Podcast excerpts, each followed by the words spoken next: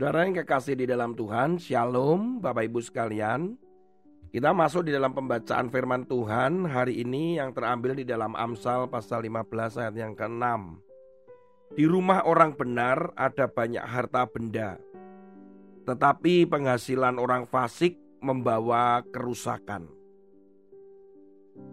Saudara, berbicara masalah rumah, berbicara masalah keluarga adalah sesuatu yang penting. Yang sering kali juga kita tidak memperhatikan rumah. Bukan dalam arti rumah secara gedung, tetapi rumah berbicara home. Berbicara kondisi, situasi. Untuk berbicara masalah rumah ini, saudara, saya teringat dengan satu kisah tentang Obed Edom. Saudara, firman Tuhan terambil di dalam 2 Samuel pasal 6 ayat yang ke-11. Tiga bulan lamanya tabut Tuhan itu tinggal di rumah Obed Edom, orang Gad itu.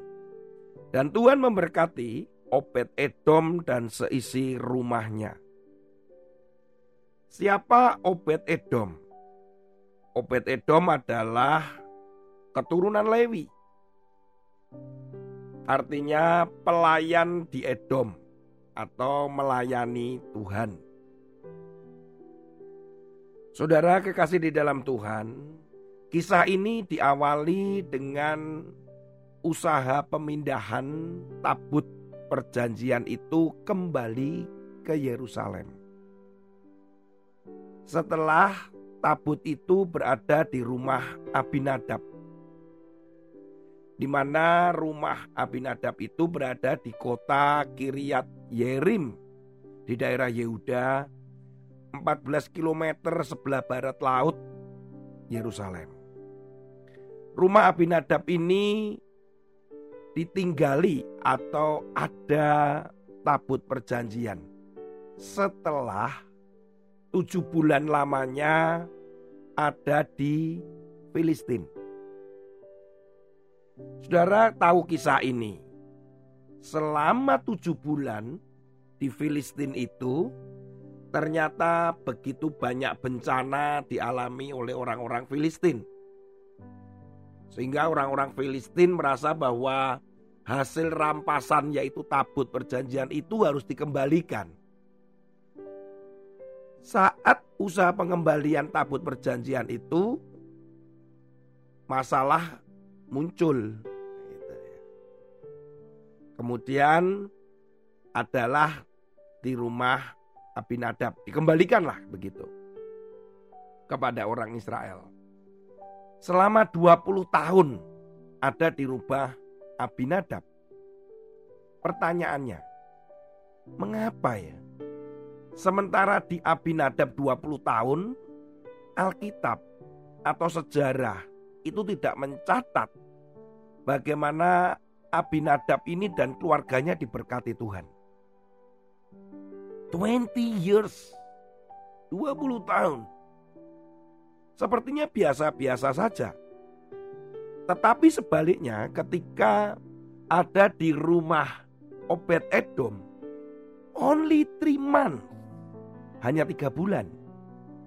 Diberkati, bukan hanya diberkati secara rohani tetapi jasmani. Dan dikatakan di firman Tuhan dikatakan dengan segala miliknya loh saudara. Dijagai, diberkati. Ini berbicara tentang sikap hati, berbicara mengutamakan, berbicara tentang bagaimana kita menghormati. Walaupun sepertinya Abinadab juga mengangkat anaknya untuk dikuduskan, Eliezer namanya, untuk menjaga tabut itu. Tetapi Alkitab tidak pernah mencatat bahwa berkat itu turun atau melimpah atas keluarga Abinadab. Bahkan anaknya Abinadab sendiri akhirnya meninggal, Usa yang menyentuh tabut itu. Berarti ada ketidakkekudusan, saudara. ada ketidakkudusan yang ada di dalam keluarga Abinadab.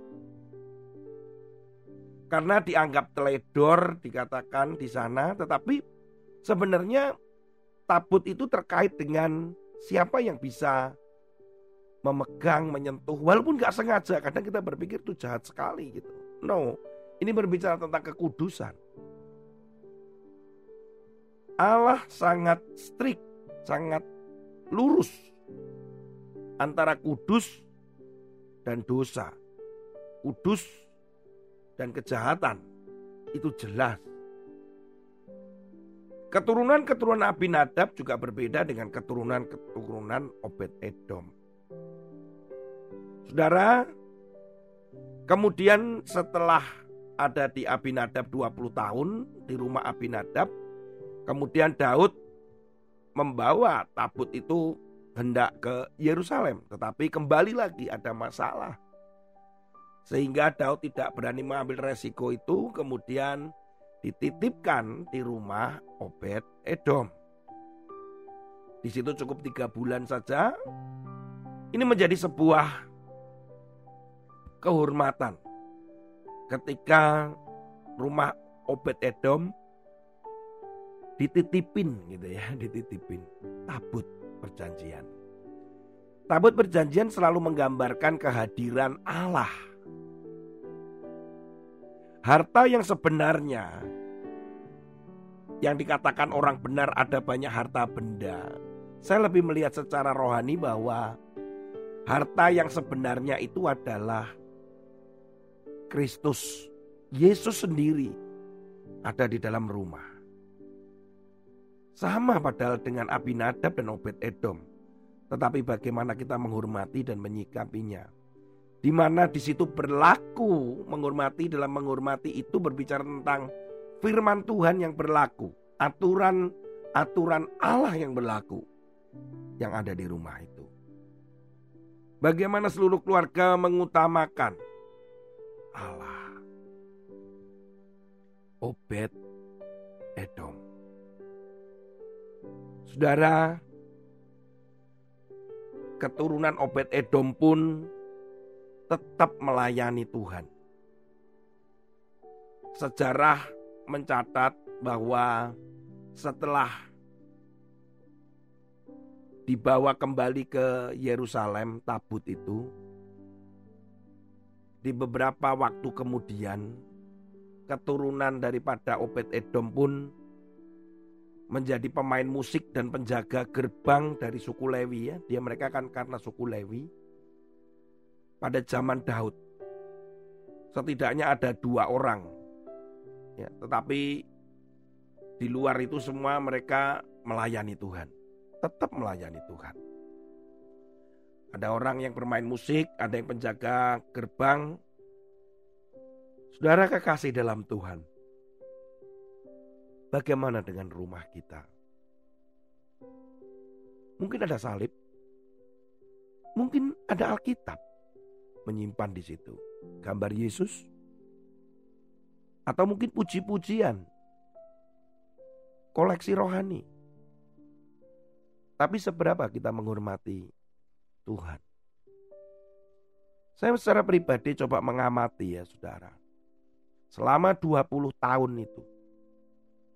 Ketika tabut perjanjian itu ada di Kiryat Yarim kalau saudara melihat di dalam kitab Samuel, mereka itu masih menyembah berhala loh saudara. Sehingga keluhan-keluhan orang Israel saat itu muncul selama 20 tahun. Mereka masih menyimpan berhala, menyimpan jimat, menyimpan ini dan itu. Sehingga berkat itu tidak turun. Mungkin saudara dan saya juga ada di rumah kita. Ada jimat-jimat itu. Ada berhala-berhala itu. Mari saudara, kita bersihkan. Kita bersihkan rumah kita yang memang bukan daripada Tuhan. Itu adalah bentuk menghormati kita keberadaan Tuhan. di tengah-tengah keluarga saudara dan di rumah saudara. Jadi bentuk penghormatan yang pertama adalah jangan ada berhala di rumah kita. Yang kedua, bentuk menghormatinya adalah bagaimana kita memperlakukan aturan yang ada itu adalah sesuai dengan firman Tuhan dan kita melakukannya. Yang ketiga adalah kita selalu menguduskan rumah kita dengan doa penyembahan yang ada dengan seluruh keluarga. Saudara, ketika semua itu kita lakukan, saya percaya tiga bulan akan penuh berkat dan akan terus berkat lebih dari tiga bulan. Kenapa? Karena Allah hadir di tengah keluarga saudara. Dan itu menjadi harta yang tidak bisa dinilai dengan uang. Karena ada damai sejahtera dan sukacita di dalam rumahmu. Tuhan Yesus memberkati saudara. Haleluya. Amin. Di hadiratmu aku puas di hadiratmu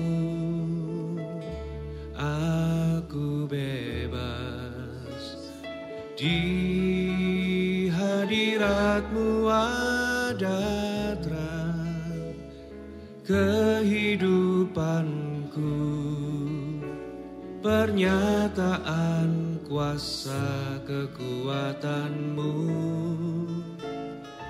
Di hadiratmu ku datang persembahkan lagu di hadapan rajaku. Di hadiratmu ada terang kehidupanku. Pernyataan kuasa kekuatanmu. Di hadiratmu ku datang persembahkan lagu di hadapan rajaku. Di hadiratmu ada terang kehidupanmu pernyataan kuasa kekuatanmu. Di hadiratmu ku datang persembahkan lagu di hadapan rajaku. Oh di hadiratmu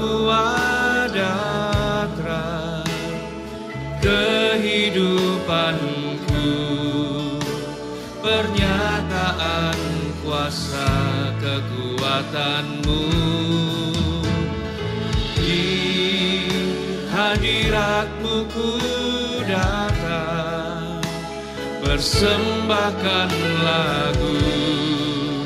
Di hadapan rajaku oh di hadiratmu ada terang.